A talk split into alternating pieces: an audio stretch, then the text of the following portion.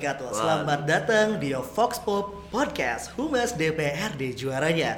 Kali ini di episode ketiga masih barengan Kakang Ray dan hari ini seru banget karena Kakang Ray lagi di kantor DPW-nya Partai Kebangkitan Bangsa. Wah, mantap sekali ya hari ini. Tentunya kalau misalkan Ray lagi di kantor DPW uh, PKB berarti Ray juga bakal ngobrol dengan salah satu anggota DPRD Provinsi Jawa Barat dari fraksi PKB. Nah, beliau ini Komisi 1 dan juga Ketua Pansus 7 dan lahir di Indramayu 54 tahun yang lalu. Wah, pokoknya kalau misalkan ngelihat beliau ini keren banget ya. Karena udah menjadi ketua fraksi juga di DPRD-nya Komisi 1 juga.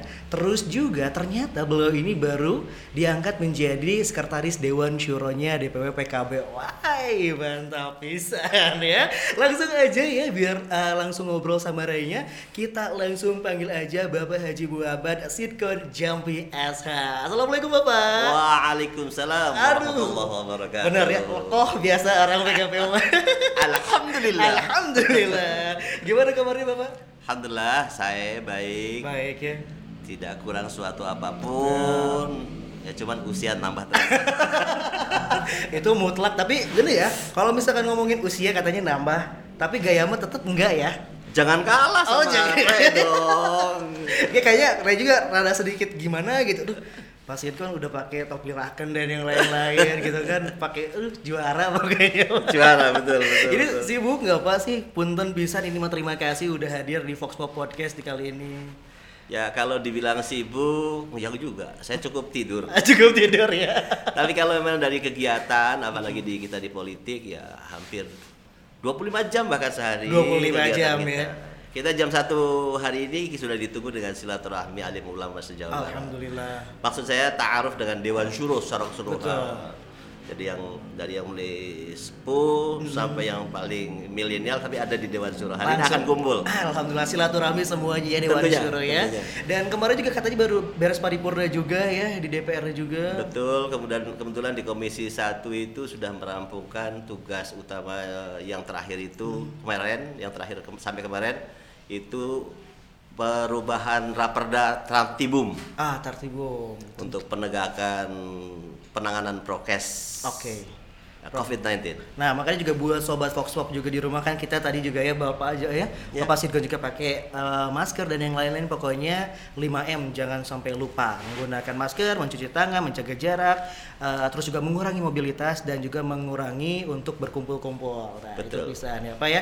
Nah, kita nanti bakal ngobrol-ngobrol Pak seru-seru ya. Oke. Okay. Di hari ini di episode ketiga. Tapi sebelum kita ngobrol-ngobrol biasa ada hmm, bisa disebut hmm, apa ya namanya tuh uh, kalau di uh, Fox Pop itu nggak uh, nggak wajib atau nggak bukan nggak seru kalau misalkan nggak bahas ini dulu yaitu okay. adalah fun fact-nya dulu fakta oh. menyenangkan tentang Bapak Sitkon Hei, juara kayaknya Mbak ya nah yang pertama ini adalah Pak Sitkon ini aktif menyuarakan tentang pesantren. Of course. Itu yang pertama. Dan hmm. yang kedua, hmm. pernah dinobatkan sebagai anggota DPR dengan kinerja terbaik.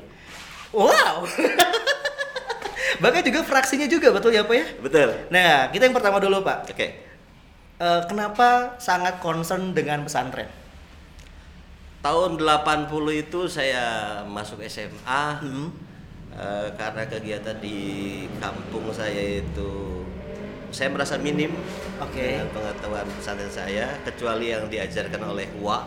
Oke. Okay. Wa juga termasuk kiai kampung. Kiai, kampung. kiai kita kiai kampung kayak gitu.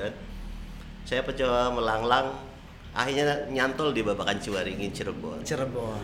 Mesantrennya di Babakan Ciwaringin, lima sepuluh kiloan itu ke SMA negeri. Oke, jadi itu pulang pergi? Pulang pergi setiap hari. Jual. itu jalan, terbang. naik elep. Oh, naik elep. 10 kilo. Enggak kan? Biasanya kan kalau misalkan karena memang niat banget, wah, di, udah kalau kata bahasa Sunda nama kan itu SMP. SMP. 12 kilo bahkan dari rumah ke SMP negeri itu. Hmm. Adanya di di pusat kecamatan. Oh. 12 kilo ngagoes. Olahraga. Unggal dinten. Unggal dinten. Ya panas ya hujan, jalan terus. Jalan terus. Yang penting mah ilmu dikejar ya, Pak. Nah, santri saya itu hmm. secara formal dari Babakan Ciwaringin Cirebon. Oke. Okay. Saya merasakan betul selama di Ciwaringin itu bagaimana eh, susahnya, bagaimana senangnya, bahagianya, saya alami betul. Salah satunya adalah bagaimana kita di asrama Betul. di Kobong mungkin ya. Di Kobong. Nah, kalau pesantren kan kobong ya. Kalau di Cirebon namanya bilik. Oh, Billy. Satu bilik ukuran 10 5 kali 5 itu bisa 20 orang. Kayak ikan asin gitu ya, Pak, tidurnya gitu. Kaki ketemu kaki. kaki ketemu kaki ya.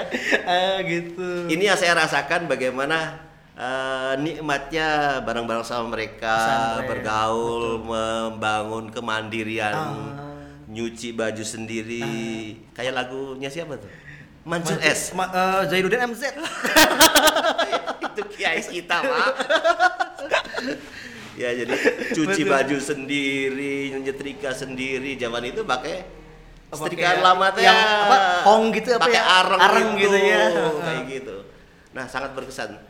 Dan saya melihat ya teman-teman tidak ada yang Hmm.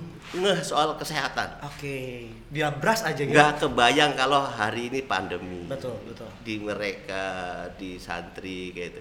Belum lagi kobongnya itu kan masih sederhana. Oke. Waktu 80 itu listrik baru mulai masuk tuh Dari daerah sana tuh baru masuk. di pesantren saya tuh. Sebelumnya adalah pakai pakai patroma. Ya, Patroma. Sampai jam 11 habis. Habis. Habis itu pakai cempol. Ah, jadi masih konvensional banget lah ya, Pak ya.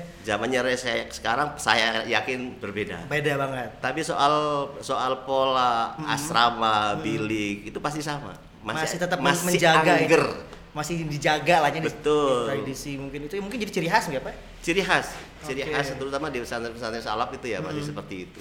Masih itu. Itulah eh, saya santri. Mm-mm. Jadi kalau ada kawan saya bilang, anak Habib, Ada Habib. anak Habib, Assalamualaikum Habib. Assalamualaikum Habib. Kalau saya enggak, anak santri. Karena Ah, santri, anak ya. santri. Karena saya besar di pesantren. belum gitu. lulus. Saya masih santri.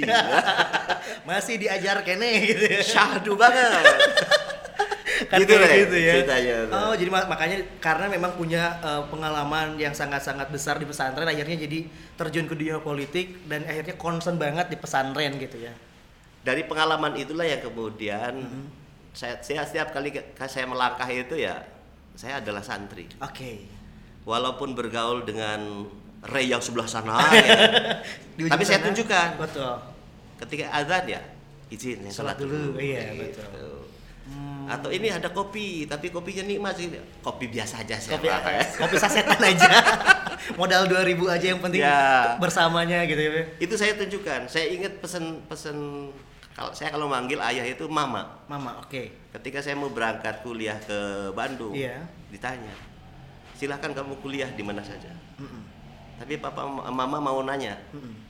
mau mesen, mau pesen. Mau pesen. Dua hal. Kalau kamu sanggup silahkan sekolah sampai mana pun. Oke. Sekuat mama, mama akan tanggung. Tanggung. Yang pertama apa? Yang pertama adalah la tarikus sholat. Oke. Jam Tegakkan sholat, dirikan sholat, jangan lupakan sholat. Oke. Oke. Sanggup kamu kecil wil. Ah. Hidup pesantren bisa lah ya. Sebelum sunat, sunat dan sampai hari ini sudah diajari sholat dan saya alhamdulillah melaksanakan sholat. Jadi saya jawab kecil wil Ya, kecil dulu bisa lah ya. Ya, sanggup. sanggup. Oke. Yang kedua apa mak? Nantang saya. Iya, nantang lagi. Apalagi nih gitu ya. Nah, mama saya bilang, kamu jangan jauh-jauh dari kiai. Nah, kamu sanggup? Sanggup. Sanggup. Tapi begitu saya ke Bandung, Betul. apalagi saya jadi ketua senat, Betul. Menegakkan sholat itu masya Allah, Susahnya ya. masya Allah. Tantangannya itu ya, Pak ya. Nah. Ujiannya ya. Jadi ketika kita lagi rapat misalnya, Mm-mm. atau kita lagi diskusi misalnya, terdengar adzan, Oke. bagaimana saya harus mengangkat? Ah, Menemukan pola itu ternyata memak- memakan waktu juga Susah gitu. itu ya. Nah, gitu. Akhirnya yang pertama misalnya, misalnya saya contohkan, karena saya komitmen dengan Betul. janji saya terhadap mama, Mama. tadi, kita waktunya sholat, yang mau sholat kita giliran saja dulu. Oke. Atau yang kemudian break Langsung di break aja gitu. 10 menit. Sholat dulu gitu ya. Nah, sholat dulu. misalnya. Oh. Tapi yang kedua yang agak berat, saya baru masuk ke Bandung, Hmm. belum kenal dengan Kiai Ray. Amin. Amin. saya belum kenal siapa-siapa di Oke. Bandung. Tapi karena satu tekad kemudian akhirnya saya menemukan yang namanya kantor PWNU Jawa Barat. Oke. Nahdlatul Ulama Nahdlatul itu di situ kan kumpulannya kiai Betul, kiai. betul. Akhirnya saya nggak jauh dari kantor PKB Jawa Barat ini di Jalan Sancang Di, kemarin. di situ kan. Atau di Jalan Galunggung. Galunggung. Akhirnya saya sering bolak-balik ke situ. Oh, dari kampus tuh ya, dari Taman Sari itu ya. Alhamdulillah walaupun saya santri Betul. karena bergaul dengan kiai, wanginya kiai itu Iya betul, kan dekat sama tukang parfum bau. Tah, parfum gitu. eta tahu. Ternyata saya menemukan maknanya di situ Ah. pesannya. Jadi walaupun pergaulan di dunia apa pun, Betul. kalau kita masih membawa bau santrinya menempel pada diri kita, semuanya terkontrol. Betul. Jadi semuanya. Insya Allah terkontrol. Ah.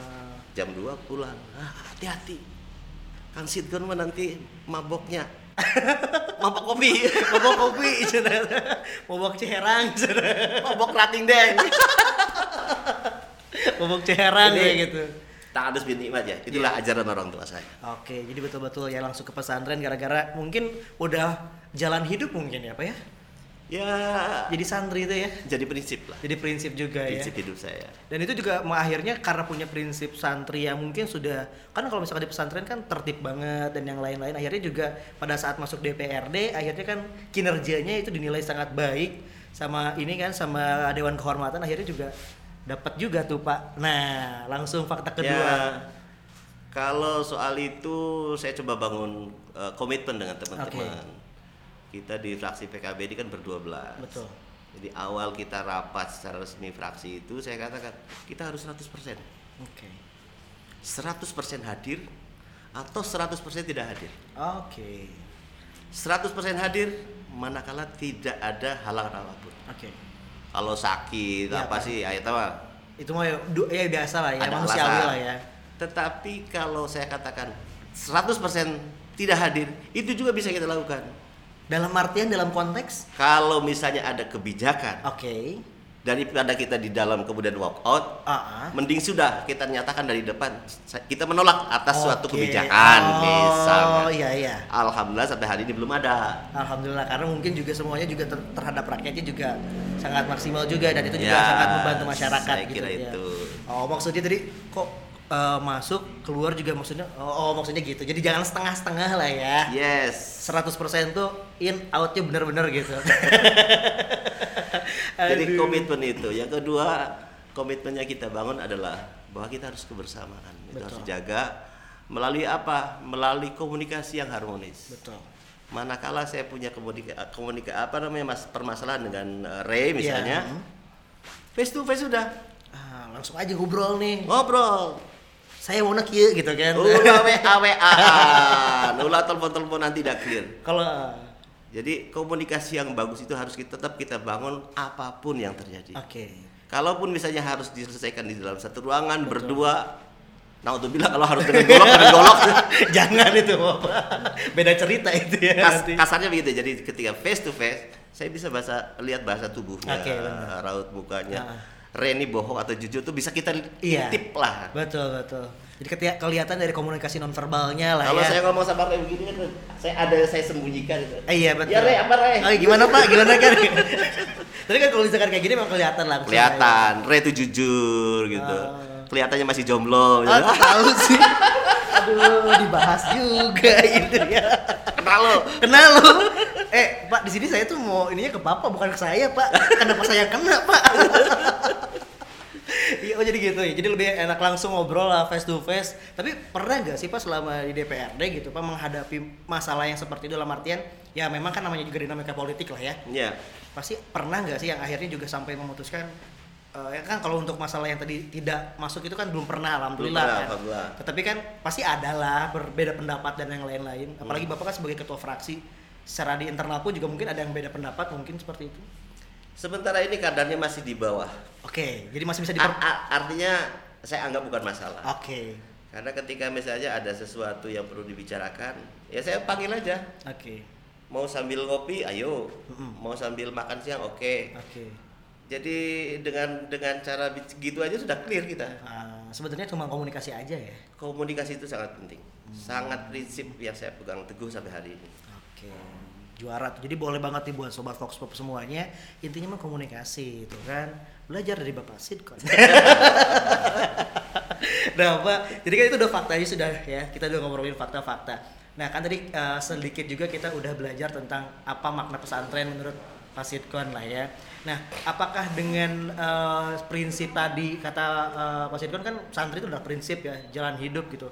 Akhirnya pada saat uh, menjadi ketua pansus 7 terus juga dengan uh, adanya dulu raperda kan belum disahkan waktu Iya, raperda iya. apa pesantren itu juga memang wah ini udah maksudnya teh kerjaan saya ini malah gitu ataupun misalkan ini adalah tanggung jawab saya ada nggak pas pas per- uh, pertama itu benak seperti itu pak bahkan ya di dunia politik ya.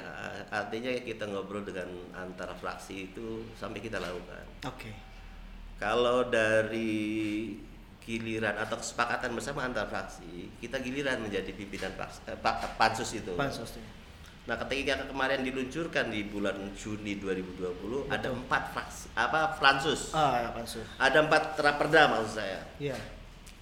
Giliran giliran PKB sebenarnya bukan pansus pesantren, pesantren bukan raperda pesantren tetapi raperda apa ya informasi dan persandian atau apa oh iya yang itu ya. informasi kan ada empat itu ya Nah, akhirnya kita ngobrol Hmm. nah di situ saya mulai saya praktekkan oke santri Anda santri. Ah. Jalan hidup saya sebagai Betul. santri. Pesantren adalah tempat saya gitu kan. Anda santri, Anda tidak mengerti tentang informasi, tentang persandian apalagi. Nggak ngerti yang ngertinya pesantren gitu kan. Singkat cerita, Betul. akhirnya kita sepakat Hmm. eh, PKB di pansus pesantren. Hmm. Eh, satu lagi yang persandian tadi di eh, Nasdem. Di itu. Nasdem. di Ibu Tia. ya, Oke. itu. Nah, dengan semangat dan latar belakang yang Hmm. saya lakukan, akhirnya saya ada di pansus 007. Tujuh. Ini ya, 007. Zero zero James Bond bukan ya? Luar biasa lah. Ah, luar nah, biasa kalau lah misalkan kita ngomongin masalah perda pesantren, Pak, kan kita sudah tahu bahwa uh, Undang-Undang Nomor 18 tahun 2019 ya tentang pesantren ya, Ya. yang di, uh, disahkan oleh DPR RI.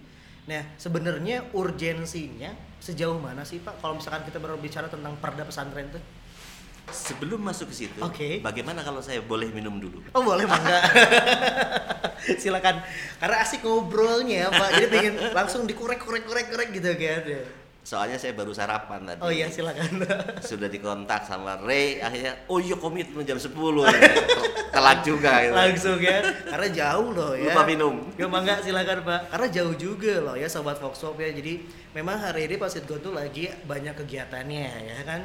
Maka tadi juga kan jam satu itu langsung silaturahmi dengan Dewan Syuro dan kaum milenial yang lainnya juga. Jadi terima kasih banget nih ya. Oke. Nah bisa Pak lanjut oke Oke, mari. jadi tentang eh, masalah urgensi dari si eh, perda pesantren ini Pak Oke, kan kalau misalkan undang-undang itu kan memang ranahnya DPR RI ya. Betul. Tetapi untuk daerah Jawa Barat sendiri itu urgensinya seperti apa sih Pak?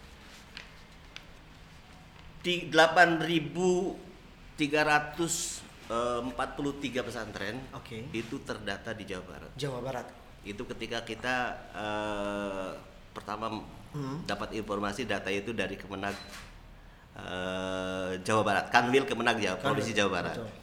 Itu ada 8.343 pesantren di Jawa. Barat.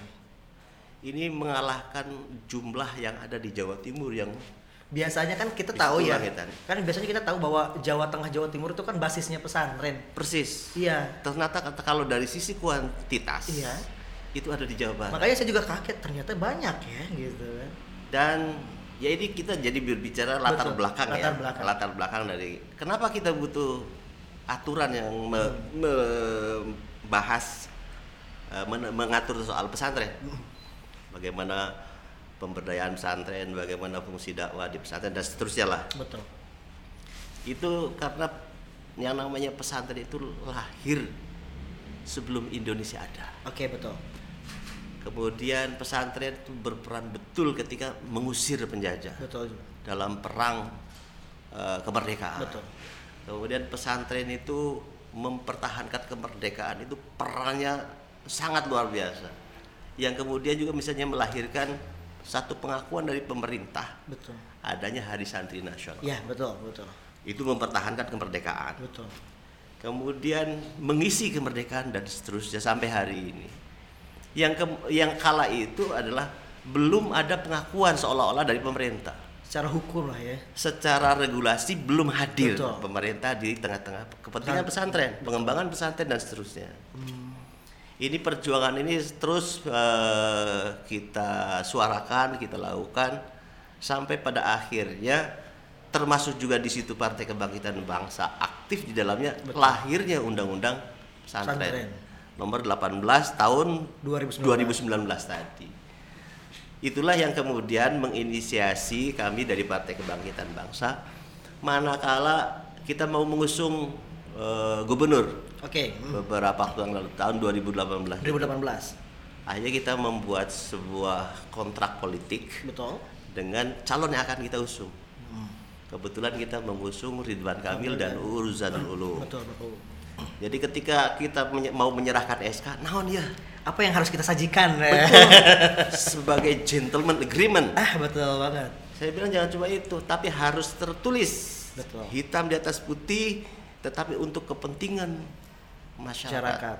Akhirnya kami membentuk tim dan lahirnya lahirlah sembilan agenda Jabar lahir batin Oke. yang kemudian itu ditandatangani oleh Pak Ridwan Kamil Hmm. dan ketua kami Syaiful Huda Syafi'i Betul. sebagai komitmen, sebagai kontrak politik. Kontrak politik. Di situ yang nomor satu adalah soal pembangunan pesantren Jawa Barat. Oke. Tegas di situ bagaimana pesantren harus terfasilitasi, Betul. harus diakui oleh Pemerintah pemerintah, provinsi Jawa, Jawa Barat, manakala Ridwan Kamil jadi, gitu. Oh, jadi memang sebelum jauh perda ini ada, memang dari awal pun sudah dirancangkan untuk itu. betul. Oh. Dan saya di situ saya sebagai sekretaris Dewan Tanfid waktu Ya. itu mendampingi Mas Huda. Kita pantau terus perkembangannya. Oke. Ketika masa kampanye, saya jadi sekretaris tim Gab Rindu, tim pemenangnya Ah, ah, Ridwan Kamil Kamil. UU. Saya sekretaris. Hmm. Ayo kita sodorkan ini harus disuarakan dalam kampanye. Oke. Jadi apa kira-kira? Ya misalnya regulasi saya bilang Betul. kebijakan-kebijakan sebenarnya. Akhirnya beliau dengan konsepnya beliau Hmm. dalam rapat akbar di Sabuga beliau menyampaikan kurang lebih bahwa perda pertama yang akan saya bentuk sebagai oleh-oleh sebagai hadiah untuk uak kami, bapak kami, nenek kami, kakek kami Iya. Yang dari Pesantren. pesantren. pesantren. Kami itu maksudnya Ridwan kami dan Iya, UU kan. betul. Basicnya mereka kan pesantren. Pesantren. Yang akan saya bentuk adalah perda pesantren. Ah. Oke. Saya sampai standing applause Langsung. hanya berdua dengan teman saya luar biasa di situ. Ya karena itu mungkin cita-cita juga kan dari eh, sembilan agenda itu juga kan menjadi nomor poin pertama kan ya. Ya, betul. Ketika ada eh, pembahasan seperti itu dari Ridwan Kamil dan UU juga mungkin jadi sebuah angin segar bahwa wah ini kita terfasilitasi untuk regulasi tentang Ya. pesantren itu. sudah diinisiasi itu ketika Ridwan Kamil UU dilantik tahun 2019 itu Hmm. ada raperda. Saya lupa namanya tetapi kurang lebih tentang keagamaan. Oke. Atau bisa bisa diartikan juga membahas sedikit soal membahas soal Pesantren. pesantrenan dan lembaga-lembaga yang ada di dalamnya. Cuman karena cantolan hukumnya belum ada, yaitu undang-undangnya belum ada, belum terbentuk. Akhirnya bahasanya raperda itu dibalikan lagi ke pemerintah Provinsi Jawa Barat. Oh, jadi belum waktu itu teh. Momentumnya ketemu di tahun 2020. 2020 langsung. Kata Jadi- 2019 sudah ada undang-undangnya ya. Undang-undangnya sudah ada, ditunggu-tunggu peraturan pelaksananya belum ada. Hanya ada slot juga untuk memperbaiki draft Draftnya aja. draft perdanya itu. Ya bahasa perundang-undangannya membuat naskah akademik. Oke. Barulah di tang- tahun di pertengahan tahun 2020 itulah kemudian eh, diajukan ke DPRD, dibahas dalam paripurna, aja disetujui, kemudian tindak lanjutnya dibentuk pansus. Pansus. Pansus 007. Itu mah istilah saya aja ya. Tapi keren juga sih gak kepikiran loh, Pak. Saya cuma baca pansus 7. Oh ya udah gitu kan ya. Ternyata eh, Zero zero seven. Nah, kenapa jadi 007? Pak? Tujuh. Karena tujuh. Oke. Dan ini ada tuh makna yang lebih jauhnya. Kenapa tuh? Tujuh langit, Oke. Oh iya betul. tujuh pendekar, Betul. mabok. Jadi makna tujuh itu sangat luar biasa. Oke, oke. tujuh. Ada di Cirebon juga. Tujuh apa? Adan Pitu. Adan Pitu. Itu kalau menjelang peringatan Maulid Nabi, Ah, Muludan di sana Muludan. ya, ada itu. Oh. Azan tujuh, adan pitu. Pitu kan tujuh. Tujuh betul. Oh, jadi memang sudah takdir Allah aja ya Pak ya, langsung we gitu ta. Insya Allah. Insya Allah. nah, kan kita banyak orang juga baru tahu nih Pak, karena kan memang baru disahkan tanggal 1 Februari kemarin. Oke. Jadi sebenarnya dari Perda Pesantren ini eh, isinya tentang apa aja sih Pak? Fungsi pesantren itu menurut undang-undang pesantren Betul. ada tiga. Oke. Yang pertama fungsi pendidikan, Hmm. yang kedua fungsi dakwah, Hmm. yang ketiga fungsi pemberdayaan. Oke. Fungsi pendidikan itu masih domainnya Jakarta. Domainnya Jakarta, domainnya Kementerian Eh, agama. Agama. Oke. Ya soal kurikulum, Kurikulum. soal pokoknya urusan fungsi pendidikannya masih sana. Kementerian Agama. Sehingga dua inilah yang kemudian menjadi kewenangan eh, pemerintah di bawah Iya, di provinsi. di bawahnya provinsi, kabupaten, kota. Kota. Sehingga di Raperda ini pada intinya hanya mengatur dua hal Oke. tentang fungsi dakwah Hmm. dan fungsi pemberdayaan. Pemberdayaan. Pemberdayaan itu mana? Pemberdayaan pesantren, lingkungan pesantren dan masyarakat. Oke. Bisa masyarakat yang eh, apa namanya skala terdekatnya adalah lingkungan Lingkungan pesantren. Atau pemberdayaan masyarakat lebih luas. Betul. Sebab ini bisa menjangkau jauh juga kayak Betul. gitu. Oh, jadi lebih ke dakwah dan pemberdayaan ya. Yes. Dan dari itu dari 35 pasal itu ya. Ya, Nah, sebenarnya kan ketika sudah ada payung hukumnya, regulasinya, kan dengan 8.000 itu yang tercatat mungkin ya, Pak ya. ya. Apakah ya. kamu banyak juga nih pesantren-pesantren juga yang mungkin pesantren kecil yang mungkin juga belum terdaftar. Betul. Tantangan ke depannya ini uh, seperti apa Pak setelah adanya uh, perda pesantren ini untuk pesantren-pesantren? Satu, Pemprov harus konsentrasi terhadap pengembangan terhadap penyelenggaraan pondok pesantren. Oke. Konsentrasinya apa? Dia harus menelorkan segera. Menurut saya sih harus segera. Hmm. Harus segera. Walaupun kata di sini paling lama setahun, Oke. tapi menurut saya harus segera. Segera tuh ya jangan sampai Hmm. Jangan jangan setahun. sampai jangan pa- sampai 2 tahun 3 tahun gitu ya. Ah, itu terlalu. Terlalu. Nanti kita Iya. bahas masalah terlalu kenapa ya. Jadi pergub Oke. kuncinya ada di pergub. Oh. Jadi pergubnya itu harus eh, komprehensif Betul. mengatur eh, bagaimana fungsi dakwah ini dilaksanakan di Hmm. Jawa Barat di lingkungan pesantren. Kemudian bagaimana eh, pemprov Iya. memfasilitasi pemberdayaan pesantren Oke. dan masyarakat di sekitarnya. Jadi lebih fokus pada nunggu pergubnya dulu, terus juga baga- bagaimana memfasilitasinya dan yang lain-lain itu jadi tantangannya mungkin ya. Ah, dari sekarang juga udah saya halo pergub segera keluar. Oke lah, disusun sila draftnya. Paling gitu ya, Pak ya. Dalam komunitas-komunitas kecil kita melakukan diskusi Hmm. bagaimana perda ini kemudian eh, kepentingannya atau teknisnya nanti diatur di dalam pergub. Pergub. Jadi kita sudah sering kali termasuk juga di DPP PKB Jawa Barat kita Hmm. coba mendiskusikan ini agar menjadi materi Oke. atau masuk di dalam draft pergubnya itu. Oke, siap. Mantap. Jadi tinggal nunggu sa- pergubnya aja. Saking serunya jadi saya pengen minum lagi. Gak masalah, Pak. Mohon izin. Boleh ya. Jadi jadi nunggu pergubnya. Jadi buat eh, semua sobat Fox Pop yang lagi di pesantren, yang santri-santri, sabar dulu sebentar. Regulasinya sudah ada, perdanya sudah ada, tinggal pergubnya aja. Ya. Jangan terlalu lama. Mari kita buat semuanya menjadi syahdu. Ah, Iya. Nah, tapi ngobrol-ngobrol masalah terlalu dan syahdu, mungkin ini juga ada yang harus dijelaskan juga nih sama Oke. Pak Sitkon. Boleh dibuka aja, Pak. Ini tentang menjelaskan tentang apa sih? Soalnya dari tadi kan syahdu terus, terlalu terus dan yang lain-lain ya kan. Ini sebenarnya kita mau menyiapkannya yang lebih. Cuman memang karena teman-teman humas Wow. Oh, ini bukan buat Bapak, bukan. ini isinya tentang sesuatu. Alah. Nah, ini siapa, Pak? Biasa. itu idola saya. Boleh Pak dipegang. Niatnya sih kita ingin mendatangkan Roma Iramanya ke sini. Aduh, ya. sebenarnya kita ingin mendatangkan Pak Haji Roma Iramanya, Pak. Iya, iya, iya. iya. Cuman agenda beliau sibuk katanya. Jangan-jangan samakan Aku dia, dia dengan yang lain. dia dengan yang lain. Aduh. Bukan, kalau itu Arafi. Arafi, udah lagi bukan. Begadang ini- jangan begadang. Nah. Tenonenet. Jadi ingat masa muda ya. ah, ini boleh dijelaskan nggak Pak? Ini eh, kenapa dengan aroma irama? Saya lahir di Bantura, Oke, remaja di Bantura. betul. Setiap kali panen di sana itu biasanya eh, masyarakat tuh melakukan eh, syukuran itu Hmm. setelah panen. Oke, ya. Dan ketika sitkon remaja Ada itu Sirgon sekarang sekarang apa Pak? Kan masih remaja sekarang juga. di atas remaja, Rema, eh, ada bahasanya remako Pak. remako. Remaja masa kolot. Remako itu adalah justru yang membuat Oh gitu. Rekaman ini. Oh. Remakannya remaka eh, apa namanya rekamannya Bang Haji itu banyak di kaset Iya, yang di kaset, kaset. Remako. Oh gitu baru tahu saya Pak.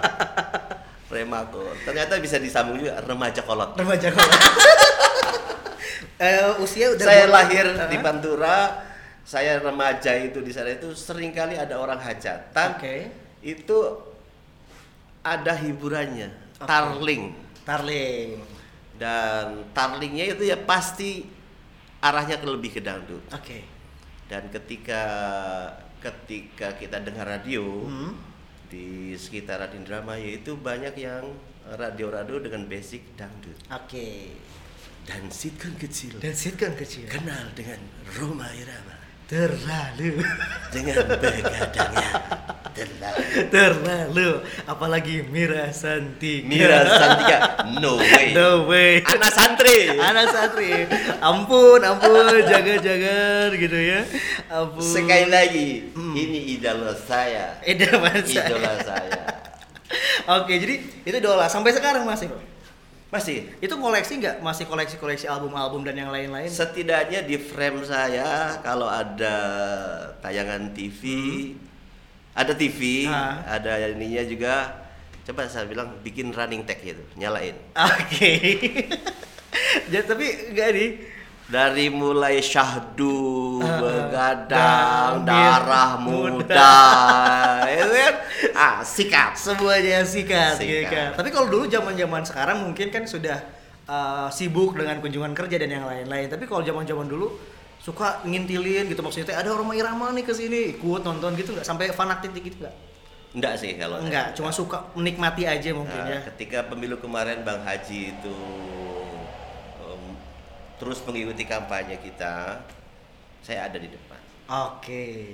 Jadi ketika ada ini antar eh, Roma Irama mau ke Pulau Pulau Jawa, Hmm. saya antar sampai ke Soekarno Hatta di sana. Oh, Jadi sampai gitu ya. Pak Haji mohon doanya biar Sitkon jadi di DPRD di provinsi. Oh iya Oh, siap. siap, siap, siap. amin amin amin. Sampai sampai segitu. Alhamdulillah doanya Pak Haji ya berarti ya.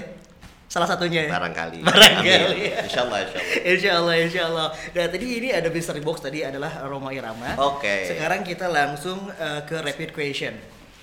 Ya, Pak Sirkon, jadi nanti saya bakal kasih dua pilihan. Ya ya ya. Nanti uh, Bapak tinggal pilih dari dua pilihan tersebut. Nanti setelah semuanya dipilih, nanti saya bakal nanya kenapa alasannya. Hmm. Siapa? Ah, asal lu banyak mikir lah. Enggak, enggak akan. Santai aja. Ya, ya. Siap? Oke. Oke, sate marangi, sate padang. Marangi ya Marangi lah. Marangi lah. Dangdut koplo, dangdut Melayu. Dangdut Melayu. Dangdut Melayu, kopi atau teh? Kopi. Liburan di rumah, liburan di luar. Liburan di rumah. Kemeja putih, kemeja batik. Putih. Eh, motor sport, mobil sport. Mobil sport. Mobil sport. Sate marangi kenapa, Pak? Saya empat tahun terakhir itu saya di tenaga ahli di Kementerian Desa. Oke. Seminggu sekali itu pulang ke Ha-ha, Bandung. ke Bandung. Senin berangkat, Jumat pulang. Oke. Kalau berangkat saya keluar tol Purwakarta Hmm. mencari sate marangi. Marangi. Yang bikin suka sama sate marangi apa? Khas saja di Oh, khas aja gitu. Kalau kalau biasanya sate itu kan sudah di Bumbu. Kalau ini udah dicelupin, celup. Iya, nah, langsung. itu marangi yang aslinya. Ah. Di Cianting kalau pengen tahu. Oh, Cianti. Kapan-kapan yuk kita semua. Boleh saya catat dulu ya. Siap. Dangdut koplo, dangdut Melayu. Melayu ya. Koplo itu kekinian, Pak. Kekinian. Seringkali saya menilai apa ya? Terlalu kreatif gitu. Saking kreatifnya. Orang Indonesia saking kreatifnya. saya saya sering sering kali meli- menyukai sebuah lagu itu dengan syair-syairnya. Oke. Jadi kita maknai juga gitu. Ah. Kalau misalnya salah alamat itu kan ya hanya itu aja salah alamat. kan. Apa maknanya tuh? Oh, Oh, ya, jas hiburan. Jas hiburan. Tapi kalau misalkan Melayu mungkin banyak maknanya juga. Kenapa juga saya menyukai Bang Haji itu Betul. karena syarat dengan makna saya. saya. Dan juga dakwahnya juga ya. Dakwahnya ada. Oke. Kecuali Ani. Jangan. Oh iya betul. Ah, nih. Oh, saya jangan nyanyi saya falas suaranya. Kopi teh tadi? Kopi. Kopi. Berapa gelas per hari? Setelah di dewan bisa jadi tiga gelas sehari pak. Lah? Dahsyat. Gila, juara. Jadi yang yang sedang mulai kita saya turunkan ya. Hmm. Bisa tiga gelas. tiga gelas. Pagi kopi hitam, eh, siang kopi susu, sore kopi hitam. Oke. Malam jangan ditanya. Tadi ini ada juga fakta ternyata kalau misalkan pulang dari Cirebon Indramayu suka pulang ya makan sate marangi tadi ya. Ya. Nah ini tadi masalah eh, apa kopi teh kopi kan tadi tiga gelas. Dan kalau misalkan eh, kalau misalkan untuk traveling traveling juga itu suka pak. Biasanya apa harus ada kopi gitu. Enggak juga sih. Enggak juga, enggak sampai edik kayak gitu enggak kan? Enggak, enggak. Oh, Jadi cuman ya hanya hanya apa ya? Hanya terbiasa aja. Tapi Terbiasa. kalaupun harus harus harus teh pahit ya masalah nggak gitu. ada masalah. Teh putih ya, eh, apa air putih juga siap. Ya siap. Minum dulu pak. Pengapunten. bangga bangga pak. Oke, tadi sudah. Sekarang liburan di rumah, liburan di luar. Saya sudah kalau namanya liburan tuh sudah terbangun komitmen dengan istri sejak lama. Saya aktivis. Jadi mah Senin sampai Jumat punya saya. Oke. Jangan ditanya, jangan diganggu. Hmm. Gampangannya mah keluar di halaman rumah teh. Iya. Saya single.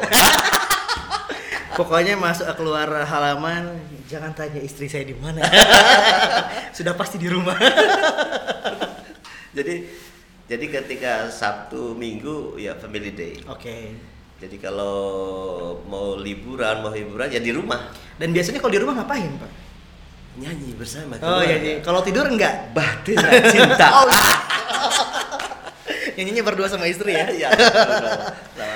Tapi ya sekali-kali kita Keluar, kota, keluar kota. gitu kan. Kalau misalnya ada long weekend. Iya betul. Sama keluarga sama Ya paling pol-pol ke Cipanas, ke Garut ke. Garut. Atau pulang kampung bisa ke Sukabumi, Sukabumi. istri saya. Oh, istri suka Sukabumi. Sukabumi.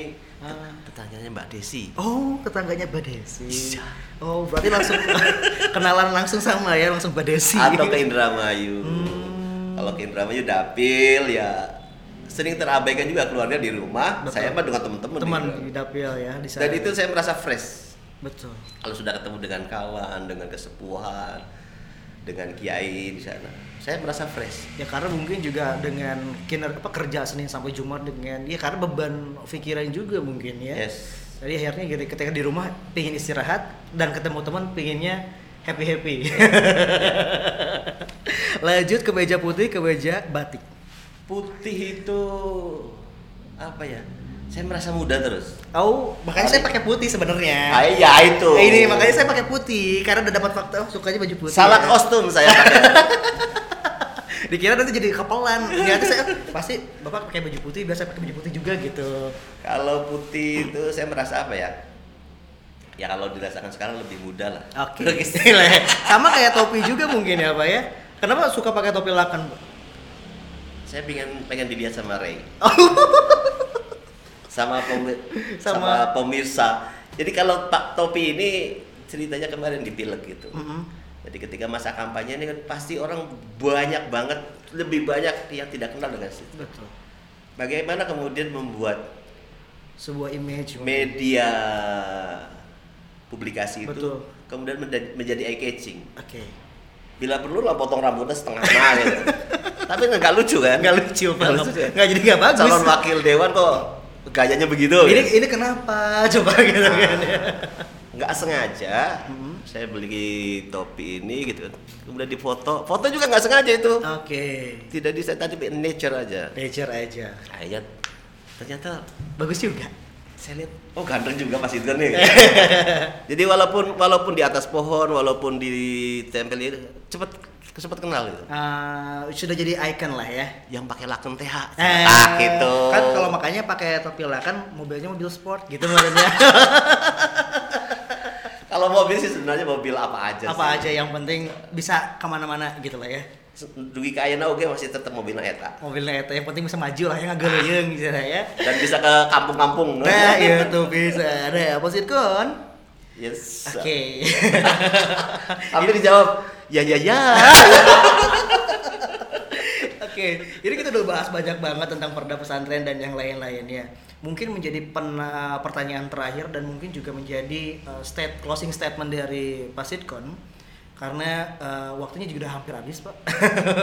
karena zuhur. Padahal saya berharap sejam deh. oh sejam lagi. Boleh sejam lagi gimana? Kalau saya sih masih oke. Ngomongin perda pesantren tapi kok topinya begini saya ganti ah. Oh ganti, nggak masalah. Karena karena Harudang. jadi ini, karena kan kita penontonnya milenial juga. Nah, kan masih miliannya juga. Nah, pertanyaan terakhir dengan adanya perda pesantren yang bisa dikatakan ini adalah yang pertama di Indonesia, betul, Betul, ya? betul. Jadi pertama di Indonesia bahkan kalau kata Pak Sitkon eh, internasional bahkan dunia akhirat ya. Iya. Karena memang baru pertama kali. Setelah diundangannya undang-undang pesantren. Oke, setelah ada karena kalau misalkan di Aceh itu beda lagi. Beda ya kan? lagi konteksnya. konteksnya Hmm. karena itu beda lagi dan jadi sampai ke Aceh, sampai ke Jogja, sampai ke Jawa uh, Tengah ya Jawa Tengah. untuk itu dan intinya bener-bener serius banget dari pansus uh, 007 tentang perda pesantren ini. Dengan setelah adanya perda dengan berbagai macam kajian dan yang lain-lain, harapannya dan wajah ke depan pesantren di Jawa Barat khususnya akan seperti apa Mas Sidko? Baik. Closing tapi agak panjang nih dikit. Apa salah? Jadi sebagai bagian dari ta'adus bin nikmat, rasa syukur saya yang pertama adalah walaupun panjang Iya. tapi sesuai target. Betul. Dari Juni baru ditetapkan Februari. Itu terlalu panjang sebenarnya untuk untuk sebuah pembahasan raperda. Perda. Tapi ini bukan hanya karena masa pandemi, tetapi juga karena aturan di atasnya itu belum turun Belum kala turun. itu. Apa yang terdekat peraturan Menteri Agama. Oke. Sehingga eh, pola pembahasannya saya balik Oke. Sambil nunggu Ah. PMA, sambil kita komunikasi Jakarta mencari informasi sudah sampai mana pembahasannya, Hmm. kita ke lapangan dulu, Oke. on the spot, melihat kondisi pesantren hari ini seperti apa, Oke. ngajak teman-teman pansus, yuk ke mana, semua perwakilan pesantren dengan basis ormas keagamanya kita datangi Oke. yang ke NU-nya, yang berbasis Muhammadiyahnya, yang berbasis Persis, PU dan seterusnya. Semuanya. Semuanya kita lihat. Bahkan bukan untuk Jawa Baratnya saja. Oke. Jadi di Jawa Barat itu kita on spot mendengar eh, masukan-masukan dari Mas Ayih, Iya. Kiai, pengasuh pondok pesantren melalui telinga, telinga kanan, telinga kiri. kita dengarkan. Oke. Stop, catat, bahan merekam. Hmm. Semuanya. Nah, kemudian studi banding. Oke. Ketika kita berharap ke Jawa Timur sebagai Basis sih mungkin ya. basis atau apa ya, Kiai Langitan kan di Iya sana. betul. Ternyata masih terkendala oleh pandemi. Hmm. Protokol kesehatan di- di- diterapkan dengan ketat di lingkungan pesantren di sana. Betul. Akhirnya kita tidak ke sana. Kemudian bergeser ke Jogja, Jogja. di Kerapiak sama. Akhirnya ada di pesantren Pandanaran dengan protokol kesehatan dan kita hanya diterima untuk 10 orang. Oke. Padahal tim pansus ada 20 orang. nggak apa-apa. Yang penting kita bisa ke sana. bisa ke sana. Kemudian ke Jawa Tengah ada di Brebes atau apa. Nah, sama protokol kesehatan ternyata diterapkan. Terapkan. Kita masuk pesantren cuci tangan, sabun Iya, disediakan, hand sanitizer dan hand sanitizer habis itu wudhu. Iya. Wah luar biasa lah. langsung bersih. lah. Pesantren menerapkan betul Betul. prokes itu. Kalau ada kasus-kasus itu Berarti alam. alam. Ya itu mah takdir aja lah. Iya betul. gitu. Kalau saya sebut sih bukan klaster lah ya. Iya. Itu mah kasuistik. Kasus istimewa mungkin ya. kasuistik saja. Jadi termasuk ke Aceh tadi disebutkan. Kenapa ke Aceh? Karena ke Aceh pionir, Pionir. pelopor ya. Pelopor. Ternyata bukan ini yang kita kehendaki. Oke. Sampai akhirnya tahu seperti itu. Hmm. Lihat sih peraturan daya, bagaimana ceritanya dan seterusnya. Ternyata bukan ini. Oke. Ya, kita akhirnya kembali lagi fokus bahas pasar per pasar sampai dulu itu. Tidak agak lama memang waktunya. Hmm. Tetapi dengan takdir dan izin dari Allah, Allah, tentunya, cita-cita kami di awal agar perda ini ada perda yang monumental, Mm-mm. harus yang pertama Betul. se Indonesia setelah undang-undang itu bisa tercapai. Oke. Ya, kesemuanya saya saya kira nikmat. Bayangin saja, sudah yang pertama Hmm. perda ini ditetapkan pada 10 saya bilang sih nyebutnya 10 Satu nol. dia satunya muncul terus Satu nol. 10 Februari 2021 Satu. gitu Satu satu. nomor perdanya perlu saya kasih tahu Iya. ya termasuk juga kepada kawan-kawan yang melihat di Iya. tayangan ini perdanya perda nomor 1 Oke. tahun 2021 Satu. Nomor satu. nomor satu jadilah anda nomor satu, Satu. Di mana pun berada. jadi ka- monumental monumental betul Oke. padahal ketika ketika di terakhir itu ada kawan kita dari Lampung itu pansusnya di heboh katanya yang pertama Hmm. Jawa Timur sudah masuk ke Dagri duluan Oke. Nah, kita kebalik Pak. kita bahas dulu pasar per pasar baru kita konsultasi. Jangan langsung ke sana dulu gitu kan.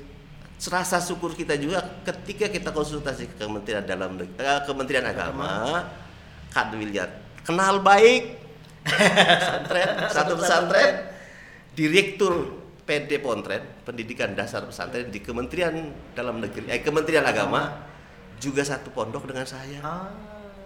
dirjennya Dirjen Kementerian Agama juga. itu seker, di, di, di, di Kementerian Agama itu mantan sekretaris PWGP Ansor Jawa Barat.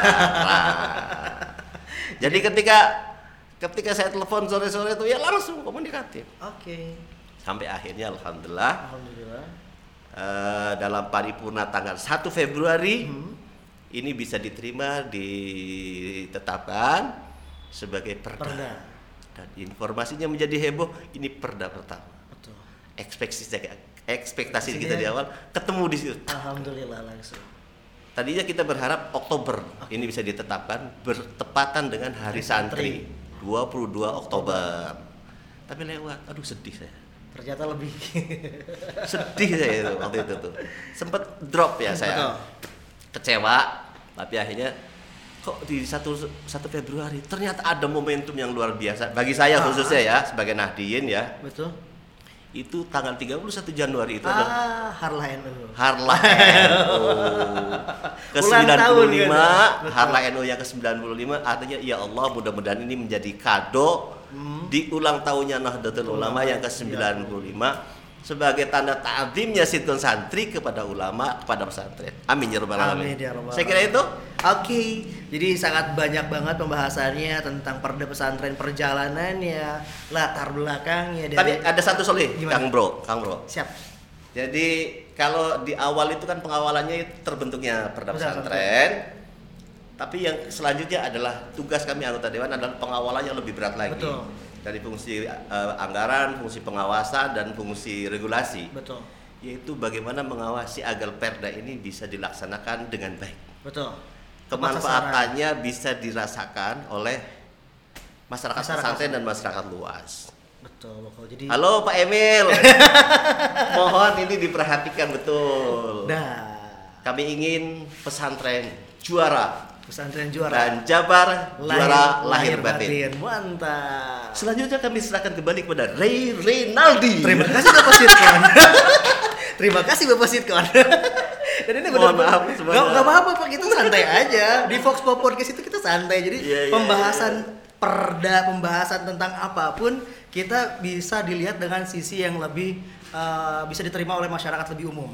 Milenial kita bisa masuk gitu kan dan yang lain. Jadi makanya kita diajak ke Fox Pop Podcast itu intinya seperti itu. Oke. Ya. Jadi banyak banget terima kasih juga buat uh, Bapak Sitkon yang sudah meluangkan waktunya. Terus juga ini sebenarnya kalau misalkan uh, dari Ray sendiri masih banyak pertanyaan yang ingin ditanyakan tapi mungkin bisa uh, dijawab lagi di lain waktu mungkin ya Pak ya. Insya Allah siap. Insya Allah dan juga terima kasih juga telah uh, memberikan ilmu juga tentang bagaimana menjalani hidup, prinsip dan yang lain-lain karena banyak banget ilmu-ilmunya yang Arya terima sebagai uh, kaum milenial, cenah. Iya iya iya iya. bagaimana seperti itunya dan pokoknya buat uh, sobat Fox Pop yang lainnya terus kawal, eh, terus kawal ya Pak ya Betul, tentang betul. perda pesantrennya buat santri-santri semuanya kita tunggu uh, pergubnya seperti apa nanti bagaimana pelaksanaannya seperti apa sampai ke pesantren-pesantrennya 8.300 ya Pak ya sekitaran itu. Jadi- Bahkan informasi terakhir sudah 9.415. wah sudah hampir 10.000 ya. Itu pun sudah ngantri. Nah, Di belakangnya bisa tembus di 12 bulan depan katanya. Oke, 12.000. 12.000. Wah, mantap banget pesantren. Makanya semoga ini tepat sasaran dan juga membantu pesantren-pesantren yang ada di Jawa Barat dan menjadi pionir untuk Indonesia ke depannya. Oke. Terima kasih Bapak Sirkon. Sama-sama, sama-sama. Terima kasih Mohon buat Humas DPRD Jabar. Oh, good job semuanya. Jabar juara lahir, batin. Kalau di Fox Pop, Humas DPRD juaranya. Humas juara. juara. Oke Makasih, ya? makasih. Terima kasih dan ketemu lagi di episode selanjutnya. Reja pamit, Bapak Sitkonya pamit, Humas DPRD pamit. Wassalamualaikum warahmatullahi wabarakatuh. Waalaikumsalam warahmatullahi wabarakatuh.